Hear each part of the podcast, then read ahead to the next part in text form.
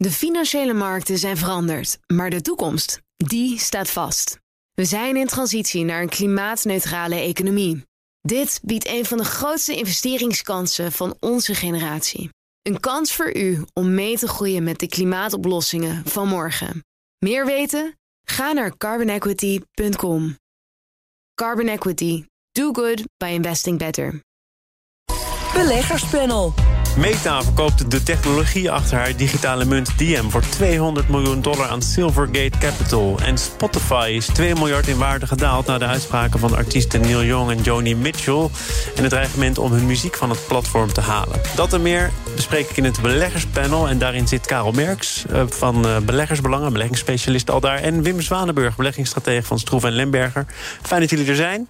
Ja, goedemiddag. Met Thomas. traditiegetrouw als eerste vraag jullie laatste transactie. Karel, wat heb jij daarover te melden? Aandelen Chevron in de Verenigde Staten halverwege december. En waarom? Omdat toen bleek dat uh, oliebedrijven nauwelijks meer investeren in toekomstige oliewinning. En er toch nog olie nodig is in de toekomst. En daarnaast trekken ook heel veel beleggers weg als pensioenfondsen en andere grote partijen. En dat zorgt er dus voor uh, dat de waarderingen aan het dalen zijn in die sector. En dat biedt volgens mij kansen. Kansen. Ja, we gaan het zo meteen nog over de cijfers van Shell hebben. Dan komen we misschien een soort gelijk verhaal tegen. Het is al wel van even geleden, hè? halverwege december. Dus je houdt je koest. Nou ja, klopt. Want ik bedoel, je, het is uh, geld verdienen doe je door te blijven zitten. en niet door uh, non-stop uh, te handelen. Want vaak zie je dat als je elke week transacties doorvoert, dat het rendement naar beneden gaat. Omdat je te veel naar je emoties aan het luisteren bent. Neem dus liever wat minder. Gevoelsmens.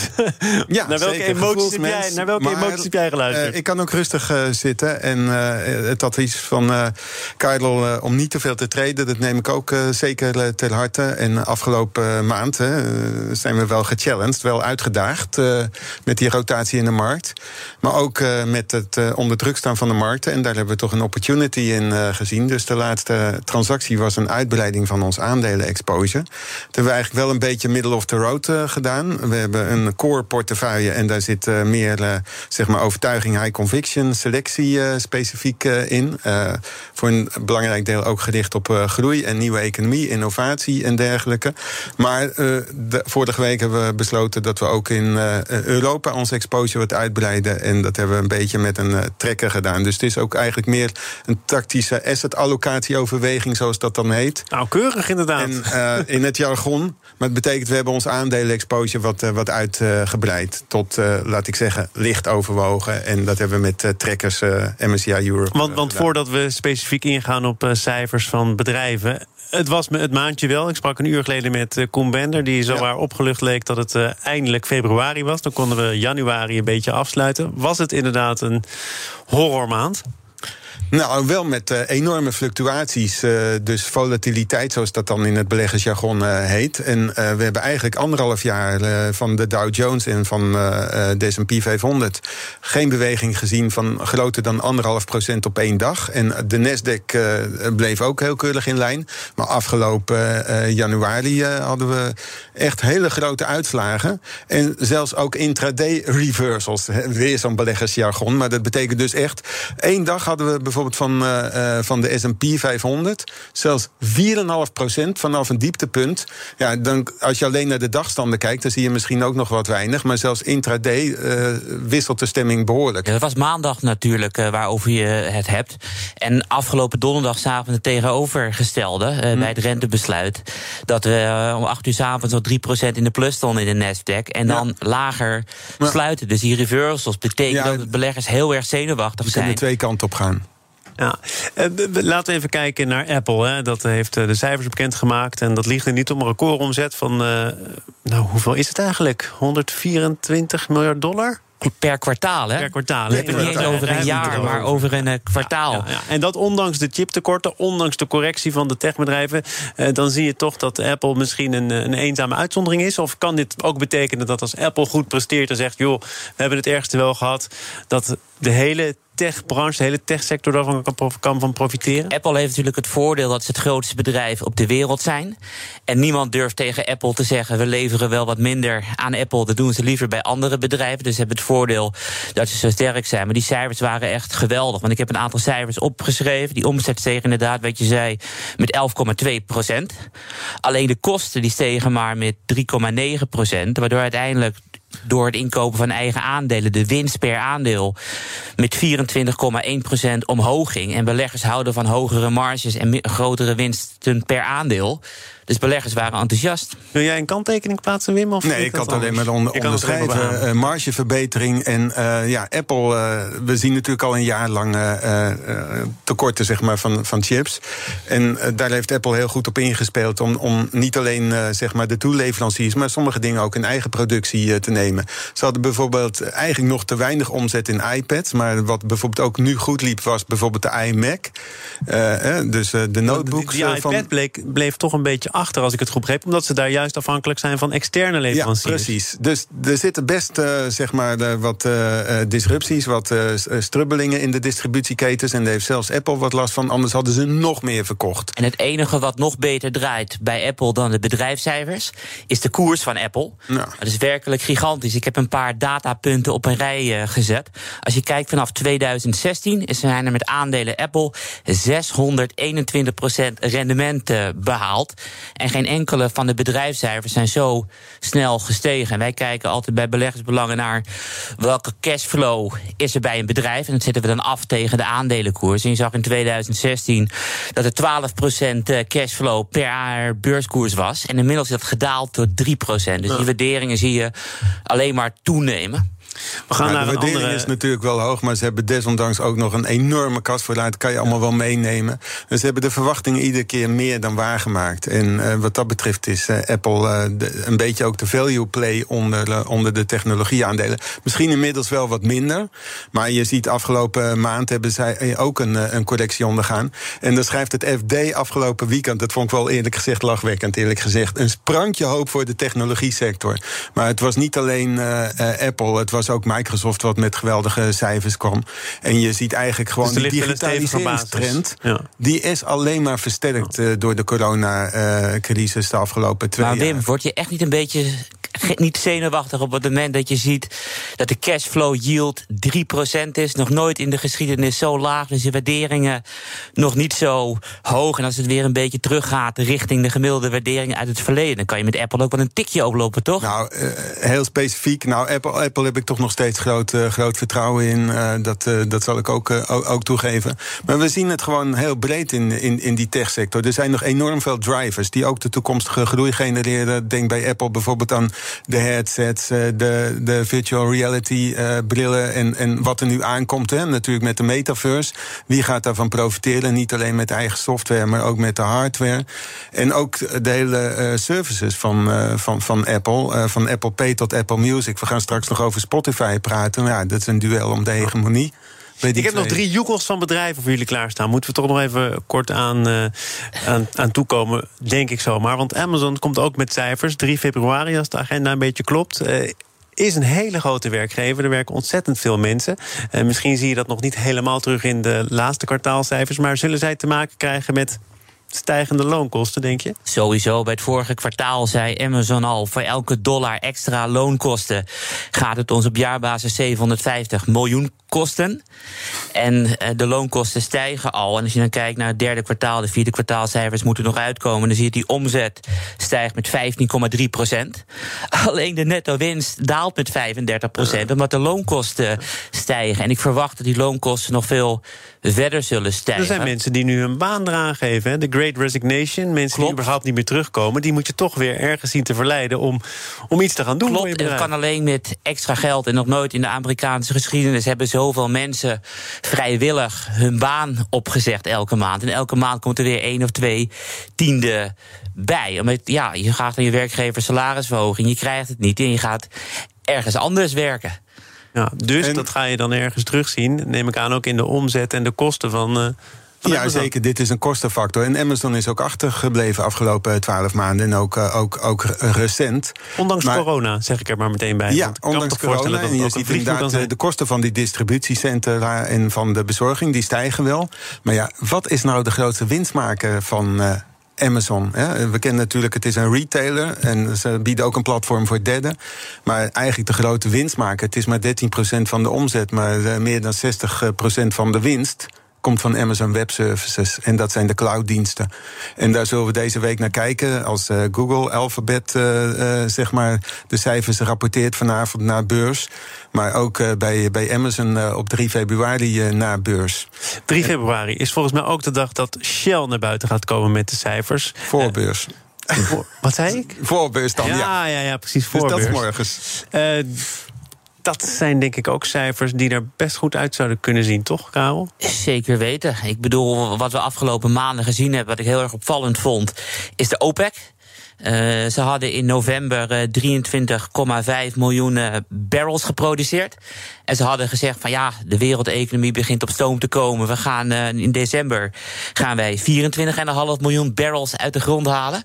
En wat blijkt, ze zijn niet verder gekomen dan 23,7 miljoen. Dezelfde OPEC heeft gewoon moeite om de productie te verhogen. En dan zie je ook dat die olieprijzen de afgelopen weken flink aan het stijgen is geweest. Weer, volgens mij ook vandaag. Uh, ja, 90, 91 in de Brent. En dat is hartstikke goed voor Shell. En als je dan kijkt naar, naar de AX, dan heeft Shell dit jaar 22% rendement. En er komt werkelijk niks in de buurt. Ja, jij gaf aan je laatste transactie Chevron, omdat uh, daar nog wel wat eh, te winnen valt. Grote beleggers die. Uh, ja, de reden waarom ik voor uh, Chevron kies, is omdat ze gewoon echt een pure olieplay zijn. En, en minder doen met, met wind- en zonne-energie. Zoals... Minder duurzaam willen zijn.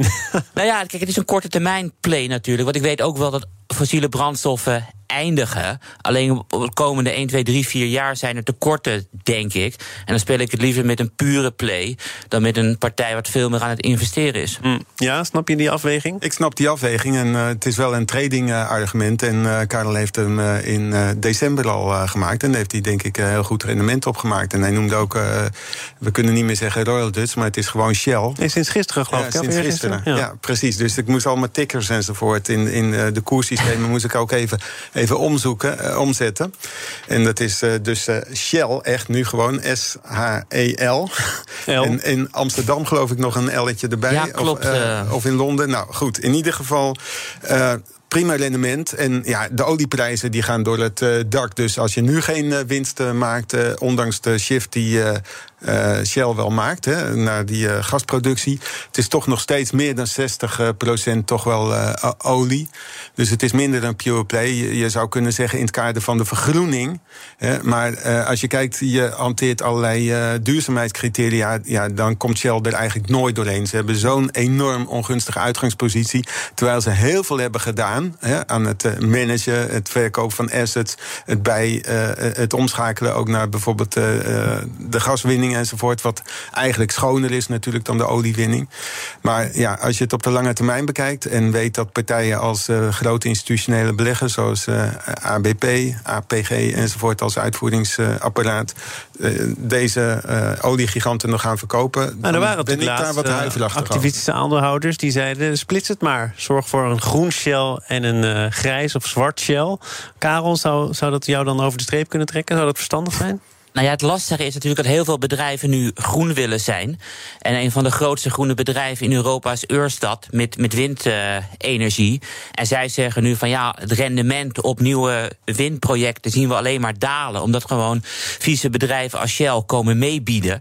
En hoe meer je betaalt voor een uh, concessie, hoe minder rendement er te behalen is. En met het zwarte gedeelte, op het moment dat wat Wim zegt, dat alle pensioenfondsen eruit gaan, ja, dan daalt de waardering, maar stijgt weer het dividend dividendrendement. Als je kijkt naar een van de beste sectoren van de afgelopen 20 jaar, dan is dat nog altijd de tabaksindustrie. Iedereen ging eruit, dividendrendementen enorm. En ze verdienen nog steeds uh, geld de categorie Sinstocks, ja, inderdaad. We gaan uh, naar een uh, bedrijf dat toch ook ondanks alle kritiek regelmatig recordstanden aantikt. BNR Nieuwsradio. Zaken doen. Thomas van Zeil. Het beleggerspanel is de gast, Karel Merks en Wim Zwanenburg. En het bedrijf waar ik het over had, moet nu toch wel een tegenvaller incasseren. Meta namelijk gaat de cryptomunt Diem op de schop gooien. Verkopen het hele project. Wim, waarom lukt het niet? Waarom zegt nu ook Meta, dat we ook nog wel kennen onder de naam Facebook... hier stopt het voor ons met die munt? Ja, ze zijn begonnen met uh, de Libra, heette die toen. En uh, nu heet het dan de, DM. Ik denk eigenlijk, ze krijgen zoveel tegengas van toezichthouders. En bovendien het grote project van Zuckerberg en van Facebook... dat is de metaverse. Dus ik zou zeggen, choose your battles. probeer niet de slag te winnen van de toezichthouders en de autoriteiten. Want cryptocurrencies, die zijn toch verdacht. het idee was aanvankelijk, daarom heette die ook de Libra. Hij moest vrijheid bieden je moet beseffen dat Facebook, en dat zagen we ook bij de storingen een paar maanden terug. Facebook is soms echt gewoon voor de derde wereld synoniem aan het internet. En dan uh, in landen als, ik noem maar één uh, land, Zimbabwe, waar je een hyperinflatie hebt, uh, dan is een digital currency misschien wel een betere waardeoverdracht. Dat is toch een reden om aan vast te houden dan, in ja, plaats van nou ja, te verkopen? Dus er zijn wel opportunities. Ik ben zelf overigens geen crypto geloven, absoluut niet. En ik vind het eigenlijk dus distractie. Dus ik vind het eigenlijk wel van het, dus het leidt de aandacht af van het management. Choose your battles. Ik ben blij eigenlijk dat uh, uh, Meta, uh, Facebook er, er uitstapt. Die, die kritiek die was er al vanaf dag één. Hè? Wim haalt dat terecht aan. Van toezichthouders, van centrale banken. Vreesde die nu met name de concurrentie van Facebook? Of speelde er ook nog een soort maatschappelijke verantwoordelijkheid? En is het terecht wijzen op gevaren van een munt van een heel groot bedrijf als Meta? Ik heb geen flauw idee. Nou, ik vraag het je toch. Wat denk je dat erachter zit? Nou ja, kijk, ik denk dat erachter zit wat Wim zegt, een heel belangrijk punt. Facebook focust. Nee, maar wat zit er achter de kritiek die er al van voor de start was op al die munten die Facebook eh, de wereld in wilde slingeren. Libra, nu Diem. Dat heeft nooit op een warm onthaal kunnen rekenen. Nee, maar wij vinden natuurlijk wat Facebook met privacy doet niet leuk. En op het moment dat ze al onze transacties hebben, wat we uitgeven online, vinden ze dat nog minder leuk. Ik denk dat het daar uh, vandaan komt. Ja. En bovendien, die currencies die zijn zo instabiel dus oh, het is absoluut geen stablecoin. ja, nee, uh, de Libra of, of, of, wat dan ook. En ook Bitcoin niet. De grootste niet. Dus uh, zeg maar, het, het echt. Je zal stabiliteit nodig hebben. En dat, dat moet uiteindelijk ook komen. Ook de centrale banken werken wel aan een project met digital currencies. Maar dan zal er stabiliteit moeten komen om het toegankelijk te maken voor het, en vertrouwen te wekken voor het betalingsverkeer. Want eigenlijk, uh, die koersfluctuaties die we in de crypto zien, dat is hetzelfde in principe als inflatie. Wat, waar dit juist een alternatief voor zou moeten bieden.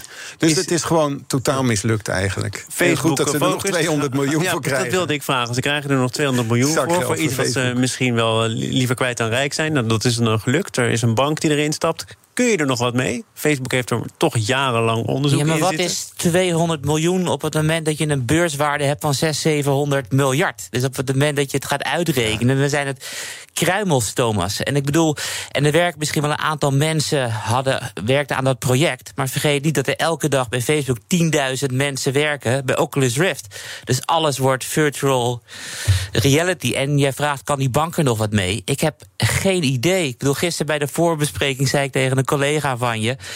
Het is alsof het 1907 is in de auto-industrie. Want op dat moment hadden wij 273 auto-aandelen. Iedereen wist, de auto gaat de wereld veroveren. Wie moest je hebben? Geen enkele van die 273. Ze maakten allemaal verlies. De enige die je moest hebben was het niet beursgenoteerde Ford. En we gaan sowieso wat met crypto. Dus het komt ergens van een zolderkamertje eerder dan van zo'n groot gevestigd Nou ja, je hebt natuurlijk centrale banken. Kijk, en op het moment dat we in 2020 hebben we natuurlijk in de Verenigde Staten Universal Basic Income gedaan. Dus hebben iedereen duizend eh, dollar gegeven en dan nog een keer duizend dollar. En het probleem was, sommige mensen gingen speculeren.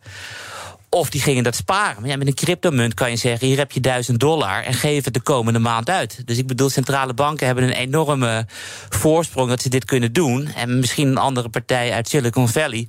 Of wat jij zegt, het zolderkamertje. Misschien, eh, misschien is het ook wel een gevolg van tegenwicht uh, wat Mark Zuckerberg nu krijgt van de zogenaamde oversight board, hè, die ook uh, benoemd is binnen, binnen Facebook. En ik zag gisteren een heel interessant interview op, op, op Bloomberg met de voormalige Deense minister-president. Nick Clegg is, is voorzitter en zij is co-chair. Het is een zij. En zij zeggen ze hebben ook al meer dan 80 aanbevelingen af, afgegeven. En ik denk ook, hè, er moet, een, moet wel een, een, een goed evenwicht komen. En Zuckerberg die zet volop in op de metaverse. En dat is zeg maar, dat wordt de volgende eh, generatie uh, internet met virtuele uh, reality, dataoverdracht. En dat moet je niet te veel laten vermengen met die crypto-discussies. We gaan verder op het pad van het reguleren van grote techbedrijven. De muziekwereld in. Spotify is bijna 2 miljard euro in waarde getaald op de beurs. Omdat Neil Young en in zijn kielzog onder andere ook Joni Mitchell niet meer op hetzelfde platform willen opereren als Joe Rogan. Inmiddels is er ook wel een reactie. Het gaat over zijn podcast, de Joe Rogan Experience. Hij is ingelijfd uh, door Spotify een paar jaar geleden voor een heel groot bedrag. Maar hij zou in die podcast desinformatie verspreiden. Inmiddels is duidelijk dat uh, Spotify nu met zijn eigen fact-check podcast, de podcast van Joe Rogan, gaat controleren. Maar het kalf is er wel half verdronken, want de beurswaarde van Spotify uh, heeft er flink onder geleden, Karel. Ja, wat Wim zei vorige week. Ik bedoel, we hadden natuurlijk een panieklow op 164,41. En volgens mij gaan we vandaag open op 196. Dus we zijn alweer 18, 19 procent hoger. En alles is weg. En ik denk dat het een storm in een glas water is. Om een voorbeeld te noemen, ik kan me nog herinneren... een aantal jaren geleden dat Facebook WhatsApp overnam. En toen moesten we met z'n allen moesten we over naar Telegram. Want uh, Facebook was niet te vertrouwen, dus weg bij WhatsApp. Alleen het probleem is, al die contacten staan in WhatsApp. Het werkt helemaal super. Ja, maar Spotify dus heeft een iets minder dominante positie dan uh, WhatsApp. Klopt, maar op het moment dat jij jarenlang verschillende lijsten hebt gemaakt. Je hebt een muzieklijst voor als je happy bent, een muzieklijst voor als je aan het sporten bent. met alleen maar Neil Young en Joni Mitchell. Ja, klopt. En ik, las, en ik las ook in het FD-artikel dat ze al uh, vroeger uh, die eerste artiest die jij noemde zich ook al had teruggetrokken. Ja, Neil Young heeft al gezegd dat hij de audio-kwaliteit onvoldoende vond. ook een dan ging hij weer weg. En ik denk ja. van, zolang je niet hoort dat mensen een Spotify-abonnement opzeggen... Je hebt geen hoge pet op van Neil Young. Hè? Hij is een rocker for the free world. Het is niet zomaar iemand. Maar misschien is het wel belangrijk dat het om Joni Mitchell gaat... om Neil Young van de vorige generatie... en doet het Spotify meer pijn als het Adele zou zijn bijvoorbeeld. Nou, die, die heeft ook wel eens een keer uh, gedreigd. Maar die blijft er toch op zitten. Want zij weten namelijk daar waar de luisteraars uh, zijn. En ze willen op uh, meerdere kanalen. En er zijn gewoon twee grootmachten in de wereld van muziekdistributie. via deze kanalen. En dat zijn Spotify en dat is Apple Music. en, en misschien een klein beetje YouTube nog als het om, de video gaat. Dus daar wil je zijn. En ja, wat ik eerlijk gezegd wel een beetje tegenvallend vond van, van Spotify... is, is, is de hele coole reactie zeg maar, op, die, op die aantijgingen. Want inderdaad, eh, er werd veel misinformatie uh, verstrekt door, die, door die Joe. En, ja, maar de grote discussie is natuurlijk: zijn dit platforms of zijn het uitgevers? Nou goed, en zijn ze ook verantwoordelijk zeg maar, voor, de, voor de content? Ja. En dat vind ik persoonlijk. Ik, ik ben absoluut tegen het verspreiden van misinformatie. Maar er is ook een ontvanger die iets moet kunnen uh, beslissen. Je kan er alleen maar een factchecker enzovoort in allerlei kanalen tegenover maar in. In dit geval zou je kunnen zeggen: Spotify heeft zelf inspanningen verricht om die Joe Rogan aan het platform te binden. Heeft daar fors geld voor betaald dat leidt dan misschien toch tot een andere verantwoordelijkheid dan uh, de verantwoordelijkheid die Spotify draagt voor BNR Zaken doen. Dat nou, is ook geweldig goed te blijven. Met Joe Rogan in gesprek gegaan. En uh, inderdaad, dan gaan ze niet de, met de storm van protesten in de wereld en, en, en het rumoer op social media is ook Spotify wel enigszins getrokken, geschrokken naar de eerste coole reactie. Maar wezenlijk gaat het om, om, om de discussie van wat ben je nou eigenlijk voor, voor company. Maar jij zegt, Karel, storm in een glas water, beleggers zijn alweer een hoofdstuk verder. Maar misschien staat het voor iets groters, namelijk het feit dat bedrijven rekening hebben te houden met maatschappelijke spanningen of met toegenomen regeldruk vanuit overheden. En dat kan beleggers misschien huiverig maken voor het uh, kopen van aandelen in dit type bedrijven. Of Klopt, dus de komende kwartaal zal heel belangrijk zijn van zeggen wij ons abonnement op. Want op het moment dat blijkt dat we dat niet doen en Spotify groeit gewoon en de cashflow neemt toe, daar zijn beleggers heel erg gevoelig voor, Thomas. Meer winst, meer omzet, meer cashflow. Is dat zo, ja? ja. Is dat wat bedrijven nou echt uh, aantrekkelijk maakt voor beleggers? Had ik wel verwacht hoor. Er is een bredere verantwoordelijkheid. Hè. Tegenwoordig, iedereen spreekt ook over stakeholder ja, capitalisme enzovoort. Maar, maar uiteindelijk, mensen op de keel, gaat het dan toch vooral om de resultaten? Uh, Heel vaak wel, eerlijk gezegd, moet ik, uh, moet ik uh, toegeven. Maar die ESG-criteria, die tellen dus mee. Hè? En dan gaat het om E, de environmental, social en governance. En nou heb ik ook nog even naar die ratings van ESG gekeken van Spotify.